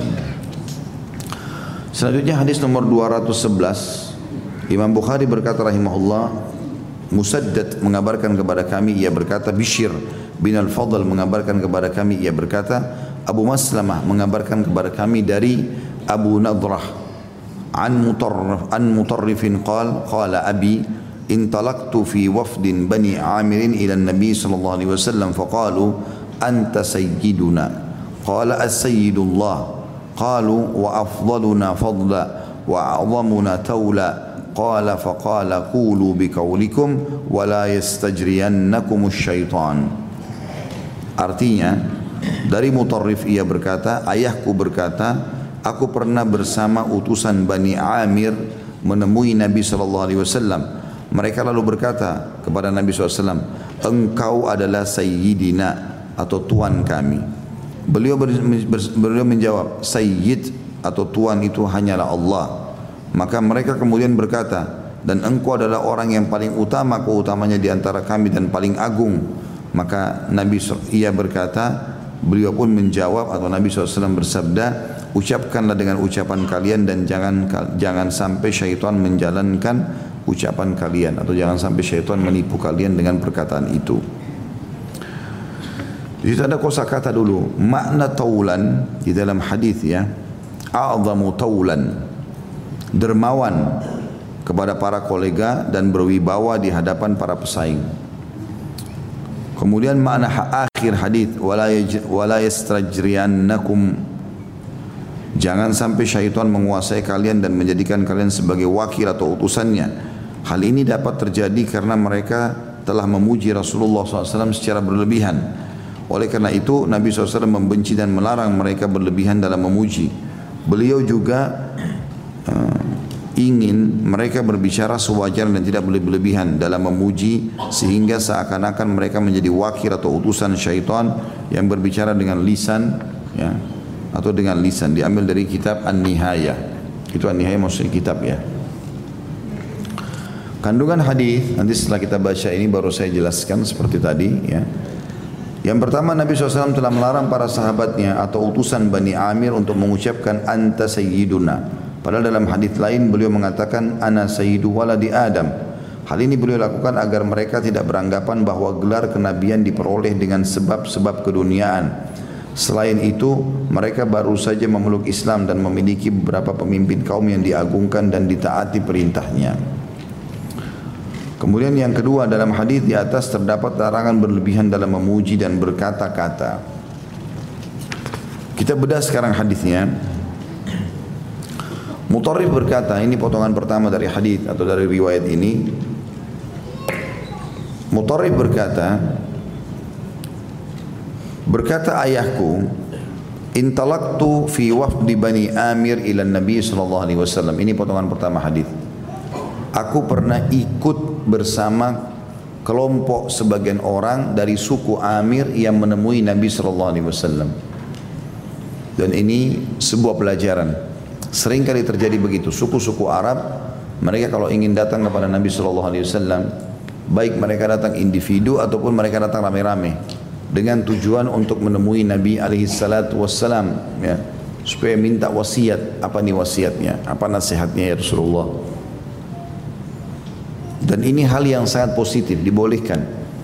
Ya, kalau kita tidak faham hukum kirimlah utusan yang bisa menanyakan kepada para ulama yang bisa berbicara dengan mereka itu tidak semuanya orang yang diutus, tapi diutuslah sebagian orang saja. Dan kalau sebagian orang itu pun datang berkumpul, termasuk adabnya adalah yang berbicara satu orang saja. Kecuali memang ada pertanyaan lain yang mau ditanyakan. Mirip dengan kita sholat berjamaah. Abu Hanifah rahimahullah memberikan perumpamaan sholat berjamaah itu dengan pertemuan seperti ini. Beliau mengatakan, karena Abu Hanifah mengatakan orang kalau lagi sholat jahar, ngerasin suara imamnya, makmumnya nggak usah baca Al-Fatihah. Secara mutlak, udah nggak usah. Kayak sholat subuh, sholat maghrib, sholat isya, makmum nggak usah baca Al-Fatihah. Karena imam sudah baca dan suaranya keras. Gitu. Lalu beliau kasih perumpamaan. Perumpamaannya adalah seperti kalau kita sedang mengutus beberapa orang menemui raja, maka yang berbicara satu orang saja yang maju, yang paling berakal di antara mereka. Jangan semuanya ngomong supaya rajanya nggak nggak nggak nggak terganggu dengan itu. Maka Abu Hanifah rahimahullah berikan perumpamaan itu. Jadi kalau imam baca sudah cukup, makmum jangan ikut-ikutan. Karena Nabi SAW pernah berkata, pada saat beliau lagi sholat, begitu beliau bilang, waladhalin amin. Ada beberapa sahabat rupanya baca Al-Fatih dengan suara ribut gitu loh. Terdengar gemuruh di belakang. Setelah selesai sholat, kata Nabi SAW, mali unazi' Kenapa tadi saya terganggu dengan bacaan kalian? Kata para sahabat semenjak itu kami nggak pernah lagi membaca di belakang Nabi SAW. Itu kalau sholatnya jahar, ngerasin suara. Kalau sholatnya sir, ngecilin suara, kayak duhur sama asar, makmum tetap wajib baca. Ini pendapat Abu Hanifah. Imam Syafi'i rahimahullah mengatakan tetap harus baca walaupun sholat jahar. Ya, yang penting intinya jangan mengganggu orang lain. Bacaannya cukup dia dengar. Gitu, untuk dia. Jangan dia ribut. Seperti sebagai masjid kadang-kadang ada orang ribut sekali. Akhirnya mengganggu orang sebelah. Ya. Ada orang tidak terganggu dengan orang lain ya. Ada orang pribadinya begitu, masya Allah. Dia kalau ngomong orang lain ribut pun suasana ribut dia tetap bisa konsentrasi. Ada orang nggak bisa, cepat buyar konsentrasinya. Tiba-tiba saja orang kalau ngomong atau dia dipotong dia lupa misalnya. Itu bisa terjadi. Itu manusiawi. Itu sangat manusiawi. Ya. Selanjutnya, tentu ini tadi sudah kita jelaskan yang pertama kita boleh datang kepada ulama dan beri utusan dan aturlah siapa pembicaranya dan adabnya ini termasuk bagian dari hal yang dibolehkan dalam syariat. Kemudian orang-orang Arab ini rupanya Bani Amir baru saja masuk Islam. Lalu mereka menggunakan bahasa anta sayyiduna kaulah tuan kami. Ya. Ini perkataan mereka kepada Nabi sallallahu alaihi wasallam. Maka Nabi SAW menjawab, ya, As-Sayyidullah. Ketahuilah Tuhan yang sebenarnya adalah Allah. Ya. Di sini kita kasih pelajaran nomor dua. Perkataan mereka mengatakan Anta Sayyiduna Kau adalah Tuhan kami. Di sini kata ulama hadis bukan berarti Lalu Nabi SAW mengatakan As-Sayyidullah Tuhan itu adalah Allah Bukan berarti Nabi SAW melarang menggunakan kalimat Sayyid karena kita boleh menggunakan kalimat sayyid untuk Nabi alaihissalam. Cuma saja memang pendapat-pendapat ulama banyak dalam masalah ini. Pendapat yang pertama yang mengatakan bahwasanya kalimat sayyid itu digunakan di luar sholat boleh. Tapi kalau dalam salawat sholat nggak boleh digunakan. Ini pendapat pertama. Karena lafaz yang diajarkan oleh Nabi SAW, Allahumma salli ala Muhammadin wa ala ali Muhammadin kama sallaita ala Ibrahim wa ala ali Ibrahim innaka hamidun majid wa barik ala Muhammadin wa ala ali Muhammad. Memang begitu lafaz hadisnya. Tidak ada kata sayyidnya di sini. Maka termasuk adab kepada Nabi SAW kita baca seperti apa yang diajarkan. Dan itu. Kalau di luar solat, di luar bacaan solat, boleh kita mengatakan Sayyidi Rasulullah misalnya. Ini pendapat pertama. Pendapat yang kedua mengatakan boleh membaca semua. Dalam sholat atau di luar sholat. Ditambahkan pun dalam sholat itu tidak ada masalah. Ini pendapat. Gitu. Ada juga yang mengatakan pendapat tidak ada sama sekali penggunaan kata sayyid untuk Nabi SAW. Allah alam tentu yang kita pegangi adalah pendapat yang kedua, yang pertama. Tentang masalah kalau lafaz salawat dalam sholat memang tidak ada sayyid jangan dipakai. Tapi di luar itu adalah boleh karena Nabi SAW mengatakan ana sayyid walad Adam yaumal kiamah. Akulah sayyidnya atau tuannya anak Adam pada hari kiamat. Di sini ada disebutkan oleh ulama hikmah kenapa Nabi SAW melarang mereka menggunakan sayyid. Seakan-akan begitu ya. Padahal sebenarnya beliau katakan dalam hadis yang lain saya adalah sayyidnya anak Adam. Apa sebabnya Nabi SAW melarang? Karena rupanya di sini ulama mengatakan Bani Amir ini baru masuk Islam dan mereka punya kebiasaan di sukunya kalau menghormati pimpinannya itu berlebihan sekali. Dan mereka rupanya mau menggunakan puji-pujian yang biasa mereka gunakan dengan atasan-atasan mereka atau kepala-kepala suku mereka kepada Nabi Muhammad SAW. Makanya Nabi mengingatkan masalah itu. Nabi nggak larang tapi Nabi cuma mengatakan as-sayyidullah. Tuhan yang sebenarnya adalah Allah. Supaya mereka jangan sampai berlebihan dalam masalah ini. Dan tentu hikmah yang paling utama di sini adalah Nabi SAW melarang mereka memuji Nabi berlebih-lebihan. Kita nggak boleh. Makanya Nabi SAW mengatakan dalam sebuah hadis yang lain, La tatrudni kama atratin nasara ibnu Maryam. Innama ana Abdullah wa Rasuluh faqulu Abdullah wa Rasul. Jangan benar kalian memujiku melampaui batas seperti Nasrani memuji Isa putra Maryam. Ketahuilah aku adalah hamba Allah dan utusannya, maka katakanlah hamba Allah dan utusannya. Kita mengatakan Rasulullah, Nabiullah, itu lebih Nabi SAW sukai. Ya. Abdullah Muhammad misalnya itu adalah yang lebih disukai oleh Nabi Alaihissalam. Nah orang-orang Nasrani awalnya teman-teman kalau memuji Nabi Isa Alaihissalam mereka tahu Nabi Isa ini Nabi awalnya. Bukan anak Tuhan, tapi mereka puji-puji-puji berlebihan sampai akhirnya mereka keluarkan statement ini adalah anak Tuhan. Makanya Nabi SAW ingatkan dari awal dikasih batasan, jangan sampai melampaui batasan ini. Puji saya silakan, ikuti sunnah saya silakan, tetapi jangan sampai berlebihan. Nah, kalau sudah berlebihan nanti pindah seperti Nasrani yang mengatakan bahwasanya Isa adalah anak Tuhan. Itu diambil dari penggalan anta sayyiduna qala as-sayyid as-sayyidullah ya. Kemudian potongan yang kedua uh, potongan ketiga dari hadis ya. Potongan pertama tadi kita sudah bilang in talaqtu fi ah, fi wafdin bani Amir ila Nabi SAW aku ikut kata Mutarrif bersama dengan kelompok dari Bani Amir yang menemui Nabi SAW. Dan kita bilang tadi boleh kita bertemu dengan orang-orang ulama atau siapa saja yang kita butuh untuk bertemu dengan mereka tapi pilihlah juru bicara yang paling tepat dan untuk menyampaikan inspirasi atau uh, aspirasi kita ya. Kemudian yang kedua adalah faqalu anta sayyiduna qala as-sayyidullah ini sudah kita jelaskan potongan kedua tentang masalah makna sayyid dan kenapa Nabi SAW melarang mereka serta khilaf pendapat ulama dalam masalah ini. Kemudian qalu ini potongan ketiga. Wa afdaluna fadla. Fadl artinya keutamaan yang sangat besar. Harta yang banyak misalnya dikatakan juga fadl. Kalau orang punya air melimpah dikatakan fadlul ma. Kelebihan uh, air misalnya. Sesuatu yang lebih daripada kebutuhan maka diistilahkan dengan fadl. Maka mereka karena menangkap Nabi larang menggunakan sayyid di sini maka mereka mengatakan wa afdaluna fadla tapi kau ya Rasulullah punya kedudukan lebih daripada kami wa a'zamuna taula dan orang yang paling dermawan di antara kami. Nah karena puji-pujian ini yang disebutkan oleh mereka selain dari sayyid tadi dianggap oleh Nabi SAW umum maka beliau mengatakan kulu bi kaulikum silakan ucapkan itu. Boleh saja. Memang Nabi SAW memang lebih dermawan daripada yang lainnya. Nabi SAW memang punya kelebihan daripada kita semua. Wajar kita mengatakan afdaluna fadla dan a'zamuna taula. Ya. Boleh kita ucapkan itu kepada baginda Nabi SAW. Seperti kita bilang juga baginda Nabi gitu kan, dalam bahasa Indonesia sallallahu alaihi wasallam. Maka ini termasuk hal yang dibolehkan gitu kan.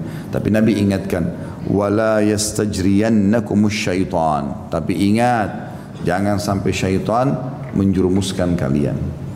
Ada orang memuji Nabi SAW melampaui batas sampai akhirnya puji-pujian yang untuk Allah pun diberikan kepada Nabi SAW. Ini tidak boleh. Ya. Nah, kita jangan sampai melampaui batas sehingga akhirnya keluar dari rel syar'i yang dibolehkan tentunya. Baik selanjutnya nomor 108 Ini hadis sebenarnya hadis yang sudah kita bahas sebelumnya ya. Tetapi saya tidak tahu kenapa dipisah atau diulangi lagi.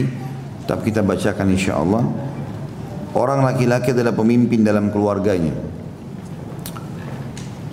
Hadisnya nomor 212 Imam Bukhari berkata Arim mengabarkan kepada kami ia berkata Hamad bin Zaid mengabarkan kepada kami dari Ayyub dari Nafi' an Ibnu Umar radhiyallahu anhu maqala qala Nabi sallallahu alaihi wasallam kullukum ra'in wa kullukum mas'ulun ar-raiyyati." فالأمير راع وهو مسؤول والرجل راع على أهله وهو مسؤول والمرأة رائية على بيت زوجها وهي مسؤولة ألا وكلكم راع وكلكم مسؤول عن رعيته Dari Ibnu Umar dan Umar beliau berkata, Nabi SAW bersabda setiap kalian adalah pemimpin dan setiap kalian bertanggung jawab atas kepemimpinannya. Pemimpin negara adalah pemimpin dan dia bertanggung jawab. Orang laki-laki adalah pemimpin atas keluarganya dan dia bertanggung jawab. Dan orang wanita adalah pemimpin atas rumah suaminya dan dia akan bertanggung jawab. Ketahuilah bahwa setiap kalian adalah pemimpin dan setiap kalian yang bertanggung jawab atas kepemimpinannya. Kalau dari penulis di sini atau penyusun buku, beliau menggabungkan dua buah hadis baru kemudian dituliskan kandungan hadisnya jadi satu. Oleh karena itu saya akan bacakan juga langsung hadis nomor 213 Imam Bukhari berkata rahimahullah, Musaddad mengabarkan kepada kami ia berkata Ismail mengabarkan kepada kami ia berkata Ayub mengabarkan kepada kami dari Abu Khilabah an Abi Sulaiman Malik ibn Huwairith. Qal ataina an-nabiy sallallahu alaihi wasallam wa nahnu shababatun muqaribun fa aqamna indahu 20 20 lailah fa anna ishtahayna ahlina. فسألنا atau fasa'alana an tarakana fi ahlina fa akhbarnahu wa kana rafiqan rahima faqala irji'u ila ahlikum fa'allimuhum wa muruhum wa sallu kama ra'aytumuni usalli fa idza hadaratis salah falyu'adzin lakum ahadukum wal ya'ummakum akbarukum Dari Abu Sulaiman Malik ibn Al-Huwairith ia berkata, kami pernah menemui Nabi SAW dan kami adalah pemuda sebaya. Kami lalu tinggal di tempat beliau 20 hari. Beliau menganggap bahwa kami sangat mencintai keluarga kami. Beliau lalu bertanya kepada kami tentang siapa saja keluarga yang kami tinggalkan. Kami kemudian menjawab pertanyaan beliau sallallahu alaihi wasallam. Lalu ada tanda kutip situ, beliau maksudnya Nabi, para sahabat ini memuji Nabi SAW, adalah seorang yang penyayang. Beliau bersabda, pulanglah kepada keluarga kalian, ajarkanlah kepada kalian atau kepada mereka, ajarkanlah kepada mereka apa yang telah kalian pelajari dan perintahkan kepada mereka. Dan solatlah sebagaimana kalian melihat aku solat. Jika waktu solat telah masuk, hendaklah uh, salah seorang dari kalian mengumandangkan azan, kemudian orang yang paling tua di antara kalian menjadi imam. Baik. Saya akan uh, kembali dulu kepada hadis yang pertama 212 ini. Kalau saya melihat di sini uh, penyusun buku tidak menulis kandungan hadisnya, mungkin karena sudah terulang ya. Karena kalau saya lihat kandungan hadis yang setelahnya ini murni membahas tentang hadis nomor 213. Oleh karena itu teman-teman kita kalau menjelaskan hadis 212 kalau masih ingat saya pernah jelaskan di pertemuan kita sebelumnya ya masalah ini kalau semua kita bertanggung jawab dan akan diminta pertanggung jawabannya. Sudah saya jelaskan bagaimana pemimpin negara bertanggung jawab terhadap seluruh yang di bawah naungan dia, tidak terkecuali. Saya sudah berikan contoh tentang Umar bin Khattab bagaimana keadilannya gitu kan dan bagaimana sebaliknya. Kalau ada di antara satu saja masyarakatnya yang menderita, yang sakit, yang dia tidak urus misalnya atau ada hak yang tidak diberikan apalagi kalau sampai dia zalimi maka itu semua akan menjadi pertanggungjawaban yang berat pada hari kiamat. Pemimpin tentu kapan dia adil, kapan dia baik, maka dia akan mendapatkan pahala seluruh masyarakatnya. Sekarang dia instruksikan atau dia akan berikan sumbangan, bantuan sekian banyak. Masyarakatnya semua nikmati. Maka dia dapat pahala. Tapi kapan dia zalimi mereka, maka juga akan diambil pahala yang besar dari dia. Ini sudah kita jelaskan pada pertemuan sebelumnya, saya cuma reviewkan. Kemudian seorang laki-laki juga adalah bertanggung jawab dalam rumah tangganya. Dan ini juga poin penting yang sudah kita jelaskan bagaimana seorang suami wajib mengetahui semua yang berhubungan dengan istri dan anaknya. Ya. Jadi kita harus tahu dia bergaul sama siapa, ya, istri seperti anak. Dia bergaul sama siapa, apa yang dia lakukan, ya, apa kebutuhannya, Eh, kita harus mengetahui dan juga memenuhi semua itu selama bukan maksiat kepada Allah Subhanahu wa taala. Ya. Itu kita kerjakan karena Allah SWT. Sudah saya panjang lebar jelaskan juga bagaimana tanggung jawab seorang suami di rumah. Dan bagaimana dia mengatur rumah tangganya dan membawa bahtera rumah tangganya. Karena dia seperti kaptennya, nakodanya yang akan membawa kapal itu. Ke mana dia jalan maka akan ikutlah kapal tersebut. Ya. Maka dia tidak boleh salah dalam masalah ini. Dan saya sudah jelaskan bagaimana kita di sini laki-laki pemimpin, tidak boleh dipimpin. Hmm. Sudah saya jelaskan masalah itu karena kita di Indonesia banyak terjadi kasus begitu rumah tangga. Dia malah yang dipimpin oleh istrinya. Maka terbalik, gitu kan. Sampai mau beli celana dalam pun minta izin sama istri. Ya. Mau beli pulsa minta izin sama istri. Ini aneh sekali. Ya. Sampai mau ambil keputusan aja susah sekali. Ini nggak benar semua ini. Ya. Dia yang menentukan, istrinya tinggal ikut iya. Gitu kan. Itu poin harus digarisbawahi karena itu pertanggungjawaban kita hari kiamat. Begitu juga dengan dalam hadis ini dikatakan seorang istri bertanggung jawab terhadap rumah suaminya, dalam riwayat lain dan anak suaminya. Ini juga ada pasal sendiri setelah ini ya tentang masalah wanita bertanggung jawab terhadap rumah tangga suaminya atau rumah suaminya. Ini juga sudah kita jelaskan. Apa pun yang ibu pakai di rumah ya sebagai amanah dari suami dijaga dengan baik ada yang rusak, ada yang pecah, bahasakan. Ini kemarin begini, ada seperti ini. Supaya kita lepas tanggung jawab hari kiamat. Bukan semaunya saja mengelola gitu. Kalau dikasih uang bulanan pegang, maka tahulah itu amanahnya, akadnya apa. Uang bulanan, uang bulanan jangan dipakai yang lain. Untuk dipakai pun izin sama pemilik uang. Gitu. Saya mau kasih bantu keluarga saya, saya mau beli tambahan begini ya. Atau kalau memang dari awal minta izin, ini uang saya terima bulanan 5 juta misalnya, saya bebas kelola ya. Kalau suaminya mengatakan ya sudah pokoknya itu punya kamu, ya terserah dia berarti. Gitu kan. Yang penting jangan dia bengkalikan kewajiban adanya makanan dan minuman yang merupakan pokok sekali dalam rumah dari nafkah yang diberikan itu. Gitu. Maka tidak masalah. Tapi kalau suami bilang enggak, saya mau tahu uang itu dikeluarkan ke mana saja. Maka dia harus sampaikan sebagai amanah. Dan kita menjalankan semua ini hanya sebatas sampai ajal kita datang.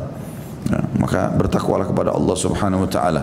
Tidak boleh terbawa dengan egoisme ya hanya karena ingin dengar temannya kuasai suaminya ya kemudian langsung dia juga ikut-ikutan ya. Ini ada penyakit di tengah-tengah muslimah ini. Kadang-kadang saling bisik-bisik, jangan terlalu dengar suami, jangan terlalu tunduk sama suami. Ini syaitan manusia. Ya. A'udzu billahi minasyaitonir rajim. Balik harusnya dengar suami, harusnya patuh sama suami. Karena bagaimana perintah agama begitu? Kecuali kalau dia perintahkan pada maksiat itu lain. Tapi selama bukan maksiat, kejar surga dari suami itu. Kejar surga dari istri itu, gitu kan. Bagaimana si laki-laki menaungi, memimpin, bagaimana perempuan juga dipimpin, ya, seperti itulah. Dan juga dalam riwayat ini tidak disebutkan tentang masalah budak tapi riwayat sebelumnya adalah dan budak bertanggung jawab terhadap harta tuannya atau majikannya dan akan diminta pertanggungjawaban pada hari kiamat. Ini sudah kita jelaskan pada sebelumnya. Sekarang kita akan menjelaskan hadis nomor 213 ini. Saya baca dulu kandungan hadisnya baru saya rincikan insya Allah. Kandungan hadis khusus masalah 213 yang pertama penghormatan Nabi SAW terhadap perasaan dan keinginan para pemuda tersebut. Kemudian yang kedua, bimbingan. Jadi tadi penghormatan ini waktu Nabi bilang, sepertinya kalian kangen atau rindu sama keluarga kalian. Kalau mau pulang, pulanglah. Karena mereka sudah tinggal 20 hari bersama Nabi SAW. Jadi Nabi SAW menghormati perasaan para sahabat itu. Nanti kita jelaskan insya Allah. Yang kedua bimbingan Nabi SAW kepada para sahabatnya seputar masalah pendidikan keluarga dan berupaya keras untuk mendidik istri dan orang yang ada di bawah naungan mereka atau tanggungan mereka. Ya. Jadi maksudnya di sini uh, Nabi SAW terbukti sangat peduli dengan masalah istri dan anak sampai-sampai mengingatkan anak-anak muda yang baru menikah yang datang belajar kepada Nabi SAW di Madinah, pulanglah kalian. Mereka itu butuh kalian. Ini berarti menandakan ada kepedulian Nabi SAW dan juga para sahabat Ridwanullah alaihim karena mereka pulang setelah itu terhadap keluarganya. Karena mereka juga butuh perhatian khususnya. Yang ketiga, segala bentuk peribadatan merupakan perkara tauqifiyah. Di dalamnya tidak ada ruang bagi nalar dan kias. Tauqifiyah tahu ya? Tauqifiyah itu maksudnya tidak boleh dikerjakan sampai ada dalil. Dalam ibadah tidak boleh kita kerjakan ibadah apa pun sampai ada dalil yang memerintahkan. Tauqif nggak boleh sama sekali. Nggak boleh ngarang-ngarang ibadah. Ibadah dikarang-karang jadi bid'ah nanti. Nggak boleh. Nggak pernah ada perintahnya dibuat-buat. Maka dalam ibadah tauqifiyah. Artinya berhenti tidak boleh sampai ada dalil. Ada yang mengatakan kerjakan ini sebentar. Dalilnya ada nggak? Ada kita kerjain. Tidak ada jangan. Itu disilakan dengan ini. Segala bentuk peribadatan merupakan perkara tauqifiyah. Di dalamnya tidak ada ruang bagi nalar otak. Masuk akal tidak masuk akal dari urusannya. Tidak tapi kan saya mau sholat misal. Saya kasih contoh. Ada orang dulu pakai nalarnya di zaman Hasan Basri rahimahullah. Habis sholat asar, orang ini tiba-tiba berdiri sholat ba'di asar. Hasan Basri lagi zikir sama teman-temannya. Mau diberhentiin sama Hasan Basri, tapi habis salam berdiri lagi sholat. Begitu terus sampai 8 rakaat. Setelah 8 rakaat orang ini masih mau berdiri sholat. Hasan Basri sudah putar di belakangnya langsung dipegang tangannya. Kamu kerjakan apa ini? Apa jawaban orang tersebut? Masa Allah marah sama saya gara-gara saya sholat?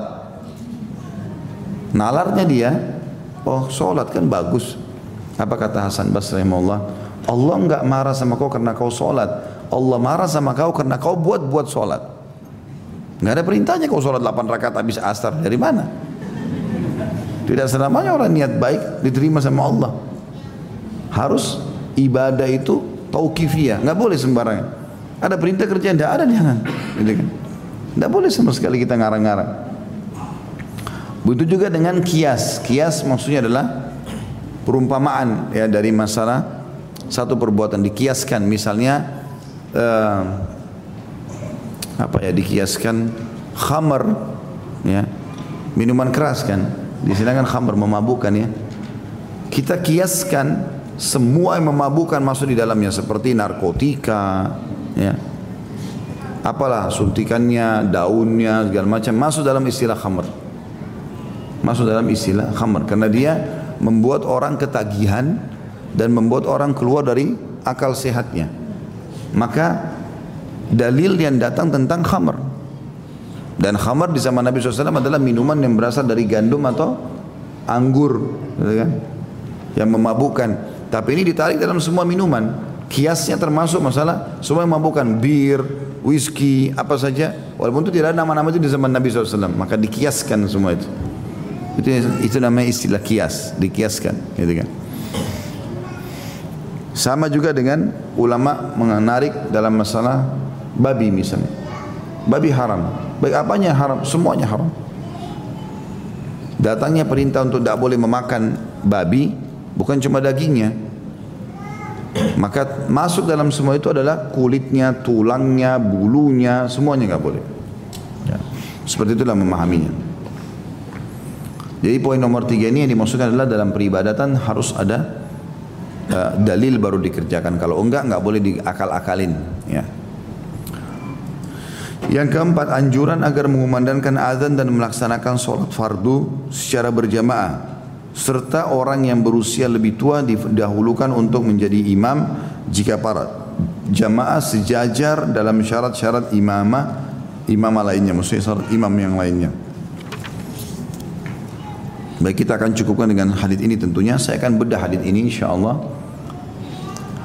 Bagian pertama yang kita ambil adalah Perkataan Abi Sulaiman Malik ibn Huwairith radhiyallahu anhu, beliau mengatakan ataina Nabi SAW wa nahnu syababatun mutaqaribun. Potongan ini dikasih angka satu. Beliau mengatakan Malik radhiyallahu anhu, aku dan teman-temanku yang sebaya denganku, seumur masih muda-muda semuanya, mendatangi Nabi sallallahu alaihi wasallam. Dan ini mirip dengan hadis sebelumnya tadi. Berarti kita boleh mendatangi para ulama, kita bertanya sama mereka, ya. Dan sebenarnya, sebenarnya ya, kalau kita mau bicara yang sebenarnya, ulama itu didatangi. Bukan ulama yang mendatangi. Zaman sekarang kita didatangi oleh para ulama. Ya. Jadi ustadznya dan ulamanya ini sibuk datang ke sana, datang ke sini, datang ke sana. Zaman dulu tidak seperti itu. Mereka dulu di satu tempat, ya orang semua pada datang. Mengambil ilmu dari mereka. Makanya dikatakan ilmu itu didatangi, bukan mendatangi. Harus dia yang datang. Tapi tentu boleh saja. Kayak zaman sekarang mungkin untuk mempermudah. Maka kalau orang memang merasa dirinya mampu, dia datang satu tempat lalu dia mengajar gitu kan. Walaupun sebenarnya ilmu itu didatangi dan bukan dia mendatangi orang lain. Karena ilmu itu harus kita datang, raih dia. Kita datang kepada mereka. Dan kata Nabi SAW, Allah tidak mengangkat ilmu itu dengan sekaligus diangkat. Tapi Allah matikan para ulama. Kalau mereka mati maka ilmunya bisa hilang bersama mereka. Kalau tidak diambil. Makanya harus didatangi. Ini yang, ini yang dimaksudkan dengan perkataan para sahabat kami mendatangi Nabi SAW. Tadi juga hadis sebelumnya begitu kan. Saya masuk kata Mutarrif ya radhiyallahu anhu saya masuk bersama kelompok Bani Amir untuk bertanya kepada Nabi SAW. Jadi memang didatangilah ilmu itu. Itu diambil daripada hadis ini. Dan juga diambil dari potongan yang pertama hadis ini adalah anak-anak muda. Jadi teman-teman belajar agama dari muda. Jangan sudah tua baru mau belajar. Tentu tidak sama sekali uh, mengucapkan kalimat ini untuk mengho tidak menghormati atau menghina orang tua kita bukan. Tapi teman-teman kalau kita masih muda belajar berbeda keadaannya. Kita masih lebih fresh, akal, kekuatan, waktu, semangat berbeda. Ya. Maka gunakan waktu muda itu betul-betul untuk belajar agama supaya kita sampai pada umur tua sudah faham semuanya. Gitu kan? Makanya Urwah, Urwah bin Zubair rahimahullah salah satu tabi'in yang masyhur dengan ilmunya yang luas dia anaknya Zubair bin Awam. Zubair bin Awam radhiyallahu sahabat Nabi yang dijamin masuk surga. Salah satu dari 10 orang yang masuk surga Zubair bin Awam. Anaknya namanya Urwah. Urwah yang terkenal ulama tabi'in. Beliau mengatakan dan tidak ada sesuatu yang paling buruk aku lihat dibandingkan orang tua yang bodoh dalam agama. Mana dia dari masa mudanya?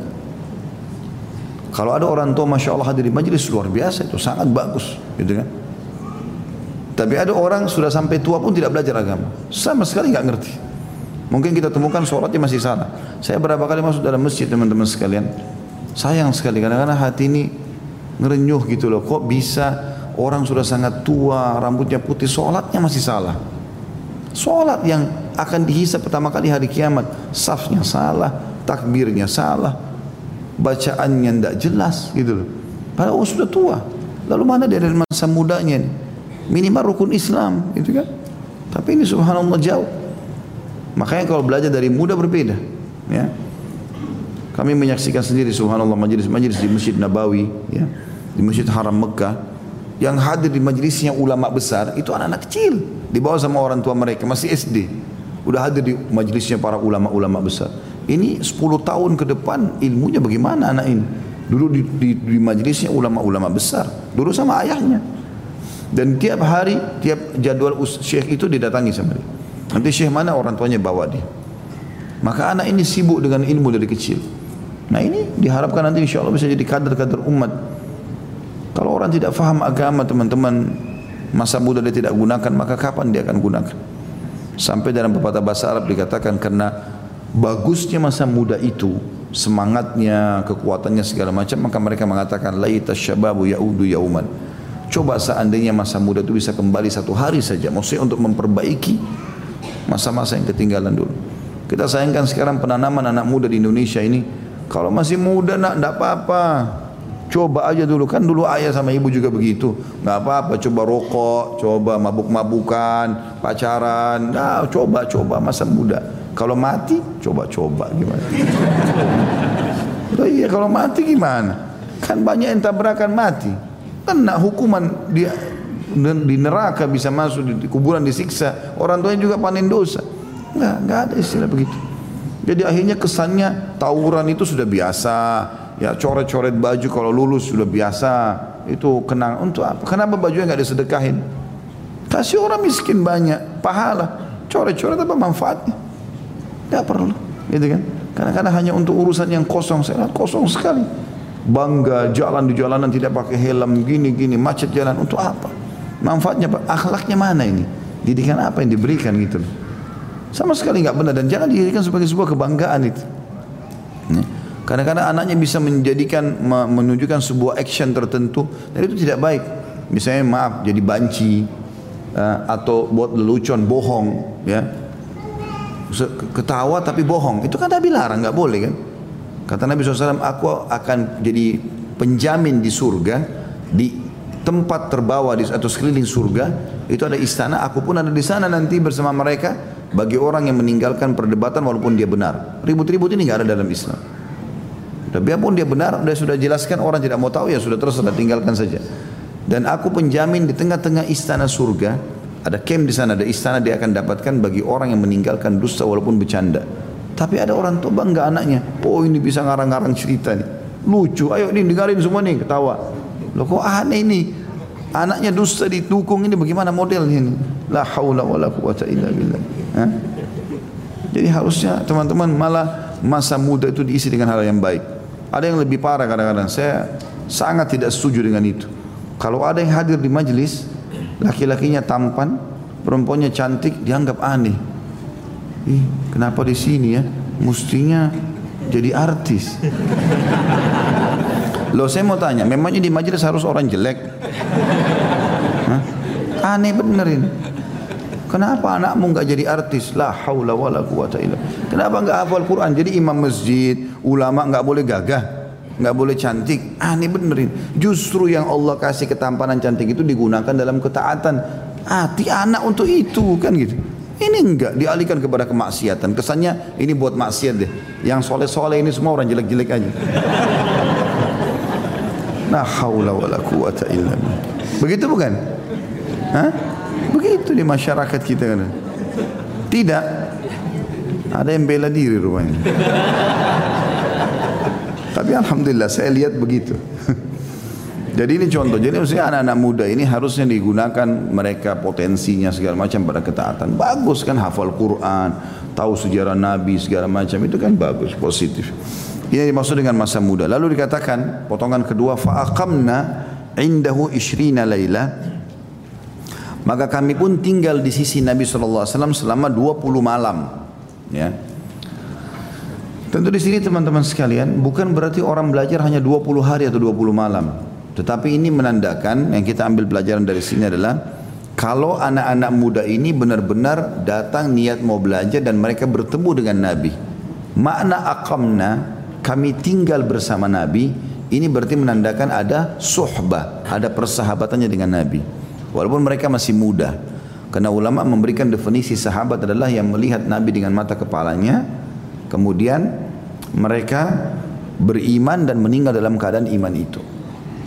Maka diambil pelajaran dari sini bahwasanya anak-anak muda ini Malik dan bin Huwairith dan teman-temannya semua radhiyallahu anhu memang betul-betul menjadi sahabat Nabi karena mereka tinggal dan hidup bersama Nabi walaupun beberapa hari.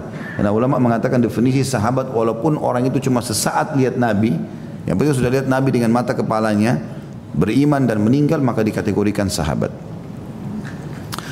Potongan ketiga, fadhanna anna ishtahaina ahlina fasa'alana amman tarakana fi ahlina.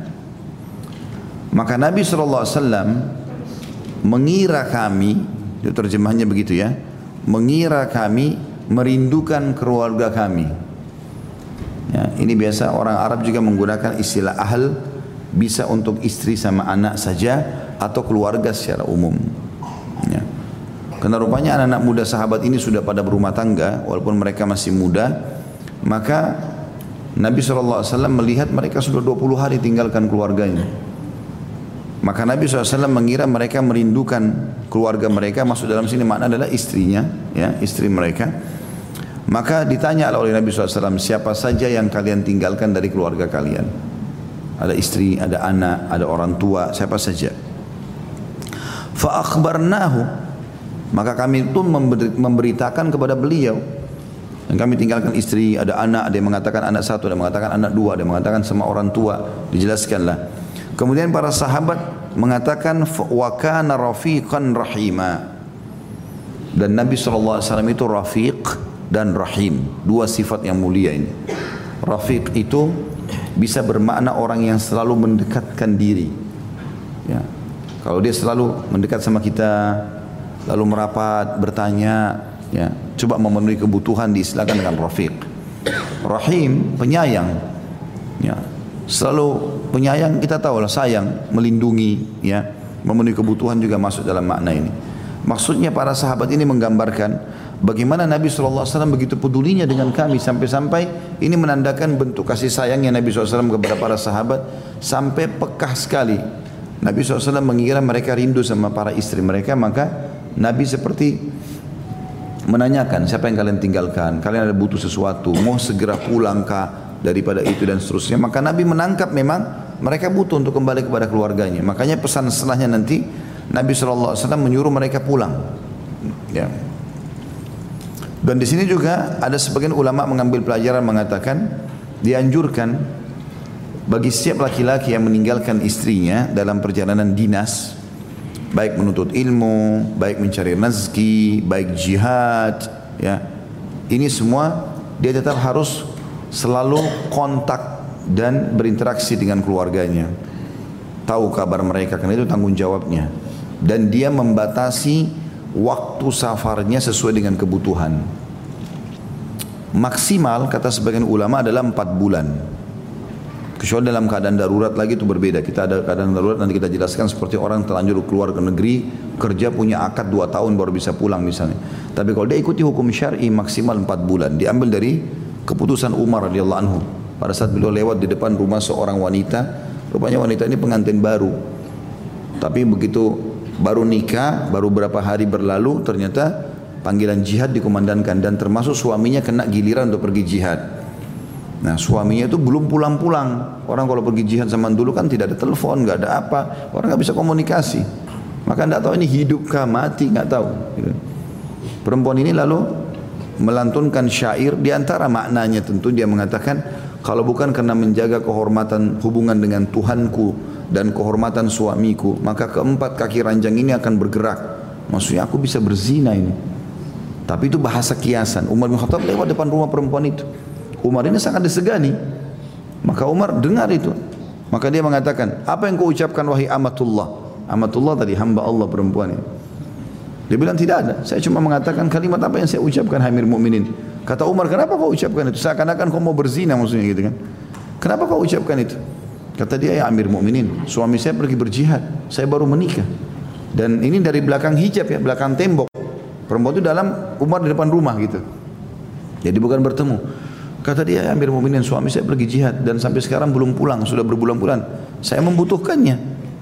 Maka Umar bin Khattab pun langsung pulang ke rumahnya bertemu dengan anaknya Hafsah, Ummul Mu'minin radhiyallahu anhum ajma'in. Bertanya, "Hai Hafsah, berapa lama perempuan bisa bersabar dari suaminya?" Kata Hafsah, empat bulan. Satu bulan pertama, dua bulan masih bisa. Empat bulan dia pasti merindukan suaminya. Maka Umar bin Khattab mengeluarkan instruksi semua mujahid maksimal empat bulan harus pulang. Nanti digilir lagi dengan mujahid yang lain. Seperti itulah. Maka ini bagian daripada syariat. Jangan sampai seseorang safar, telepon nggak pernah, tanya kabar nggak pernah, nggak mau tahu kabarnya bagaimana, itu kan. Maka tidak dia harus tahu. Minimal dia tanya tanggung jawabnya dia. Ada makanan, masih ada kebutuhan yang Allah akan hisap hari kiamat, gitu kan. Maka itu termasuk bagian daripada poin yang diambil di sini. Kemudian potongan yang selanjutnya, ini atau potongan yang ketiga kurang lebih ya, atau potongan yang keempat maaf. Potongan yang pertama tadi kami mendatangi Nabi SAW bersama eh, anak-anak uh, muda yang sebaya. Potongan yang kedua kami tinggal di sisi beliau 20 hari. Dan potongan yang ketiga adalah Nabi SAW mengira kami merindukan keluarga kami atau tepatnya tadi para istri kami. Kemudian potongan yang keempat adalah perkataan Nabi SAW irji'u ila ahlikum fa'allimuhum wa muruhum. Pulanglah kalian sekarang kepada keluarga kalian. Lalu apa yang sudah kalian pelajari selama 20 hari ini ajarkan kepada keluarga-keluarga kalian itu. Berarti di sini ada perintah teman-teman untuk menuntut ilmu bagi laki-laki terutama perempuan juga boleh tentunya. Tapi laki-laki kan boleh safar ke mana-mana. Tanpa mahram pun dia tidak ada masalah. Kemudian tugas dia pulang lalu memulai mengajarkan kepada keluarganya dulu. Ajarkan kepada istri, ajarkan kepada anak gitu. Ilmu itu diajarkan kepada mereka lalu juga diajarkan kepada orang lain. Maka ini termasuk poin penting ya. Tapi tentu dalam masalah rumah tangga ya seperti juga yang kami lakukan tentunya tidak mungkin tidak tidak bisa juga atau bukan bukan metode mengajar itu harus seperti ini ya. Saya bukan di rumah saya mengajarkan istri anak saya dengan cara buka kitab, ayo buka semuanya baca. Tapi mereka saya anjurkan pada saat saya lagi live ada acara mereka ikutin di rumah, gitu kan. Tapi kalau saya datang ke mereka itu lebih banyak kepada prakteknya pada praktek lapangan. Kayak misalnya kasus saya mau ke masjid anak-anak saya ajak langsung ya ikut sama saya ke masjid. Lalu saya ingatkan bagaimana cara sholat dan sebagainya. Kalau istri saya saya ingatkan tentang masalah pendidikan anak. Langsung praktek di depan matanya. Maka itu lebih banyak saya lakukan. Maka tidak secara teoritis tapi ada juga orang mungkin di rumahnya dia buka kitab ngajar. Bisa saja terjadi itu. Masing-masing punya metode gitu kan. Yang penting metode yang penting kita ngajar ajarkan kepada mereka. Karena itu yang dikatakan oleh Nabi SAW irji'u ila ahlikum Pulanglah kalian kepada keluarga kalian. Lalu apa kata Nabi SAW? Wa'allimuhum. Ajar mereka. Sampaikan kepada mereka. Wa'muruhum. Dan perintah mereka untuk itu. Seperti Allah mengatakan, Wa'mur ahlaka bis salati wastabir alaiha.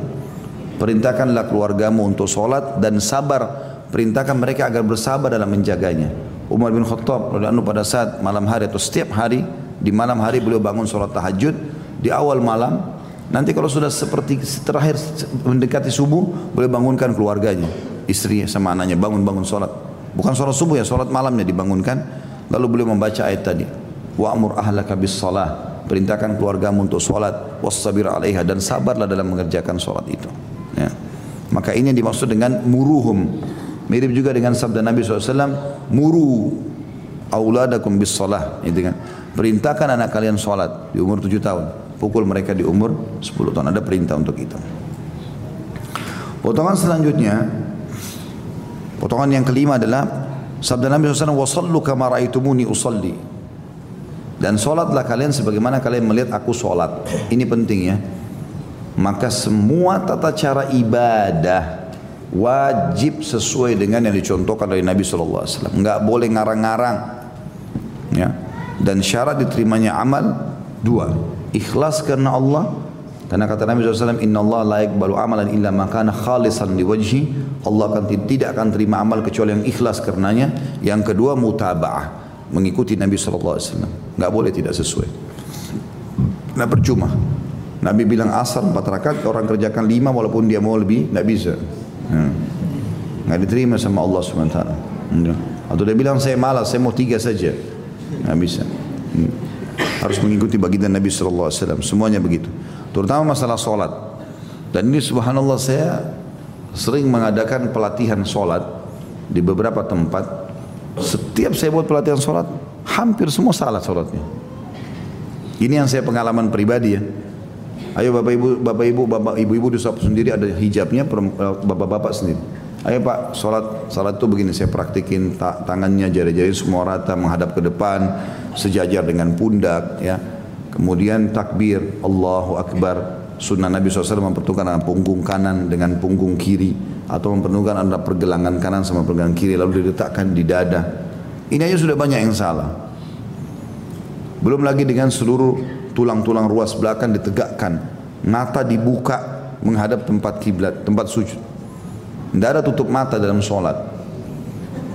Ya, sudah gelap, tutup mata, dingin. Bacaannya dalam hati, tidur. Loh iya, benar. Makanya disuruh buka mata. Sholat duhur dan asar adalah sholat sir. Sir itu apa? Kecilin suara, bukan hilangin suara. Hah? Jadi kita baca Alhamdulillah Rabbil Alamin Ar-Rahmanur Rahim. Kita dengar sendiri. Mata buka, mulut ucapin, telinga dengar. Itu baru nggak ngantuk. Ini dalam hati. Tidur nanti. Itu tata cara sholat. Banyak orang salah. Oh saya kalau tutup mata lebih khusyuk Ustaz. Bukan. Nggak benar. Lebih khusyuk tidur ya. Hmm. Awalnya satu menit pertama syaitan godain begitu. Apa kata Nabi SAW? Allah terus memandang wajah seorang hamba selama matanya melihat ke tempat sujudnya. Buka mata ini. Kecuali antum buta lain. Tapi kalau enggak buka mata, baca. Itu tata cara sholat begitu. Jangan dipindahkan. Kemudian ruku setelah selesai baca. Di antara syarat mutlaknya sholat yang mengikuti Nabi SAW, tumaknina wajib sholat batal tanpa tumak nina apa tumak nina itu tenang tenang Alhamdulillahi Rabbil Alamin. Berhenti dulu. Ar-Rahmanir Rahim Alhamdulillah Rahman Rahim Malik tidak ada titik komanya. Sambung semua. Ruku Allah Akbar Sami Allah iman belum. Subhana Rabbil Azim. Setengah pun belum. Gitu kan? Iya. Sudah. Sami Allah Allah Akbar ini apa? Kata Abdullah bin Mas'ud radhiyallahu anhu, kami dilarang oleh Nabi SAW sholat seperti burung gagak yang mematuk makanannya. Allah Akbar, Allah Akbar, Allah Akbar, Allah Sholat apa ini? Sholat, ada sahabat begitu sholatnya. Sampai di Imam Bukhari kasih khusus bab namanya bab musi'us sholat. Bab orang yang sholatnya buruk. Masuk masjid, telat pengajian, sholat orang itu. Allah Akbar, Allah Akbar, buru-buru. Habis sholat dia datang ke Nabi mau dengar pengajian. Nabi bilang, irji fa innaka lam tusalli. Pulang kembali kerjakan sholatmu. Kau belum sholat tuh. Nabi pikir dia buru-buru. Ternyata dia sholat sama lagi. Wah, wah. Balik Nabi bilang, irji fa innaka lam tusalli. Kembali kembali. Kau belum sholat tuh. Dia kurangi lagi, sama lagi sholatnya. Sampai tiga kali. Nabi masih suruh lagi kembali, kembali kerjain. Ulangi, kata dia ya Rasulullah, saya nggak tahu selain ini. Artinya memang ternyata setiap hari sholatnya begitu. Buru-buru. Maka Nabi SAW mengatakan kalau kau mau sholat, tenangkan dulu seluruh ruas tubuhmu, tulang-tulangmu. Menghadap kiblat dengan tenang, baru takbir. Allahu Akbar. Tenangkan dulu semua sendi-sendi pada tempatnya, baru mulai baca iftitah, baru mulai baca Al-Fatihah, pelan-pelan, ayat demi ayat. Ada tanda berhenti kan? Ayat satu berhenti, ayat dua berhenti. Berapa detik saja?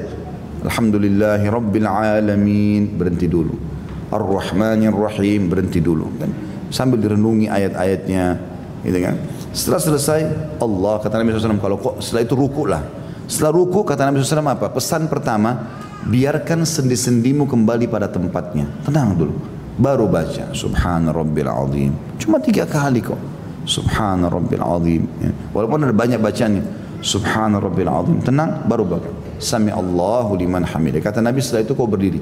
Kembalikan dulu tulang-tulangmu sendi-sendi pada tempatnya. Tenang dulu. Tumanina. Wajib ini. Kalau enggak enggak sah sholat dia percuma. Buang-buang waktu saja.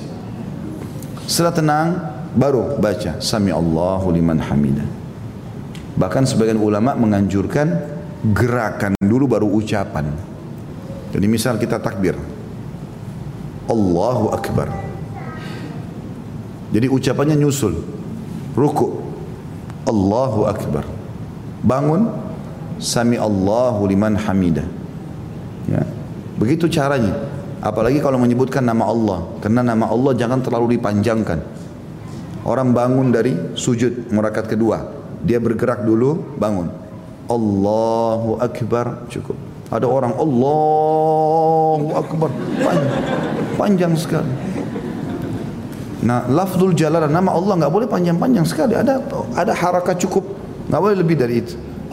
Ini pendapat sebagian ulama untuk menjaga tumak nina itu, gitu kan? Dengan tenang.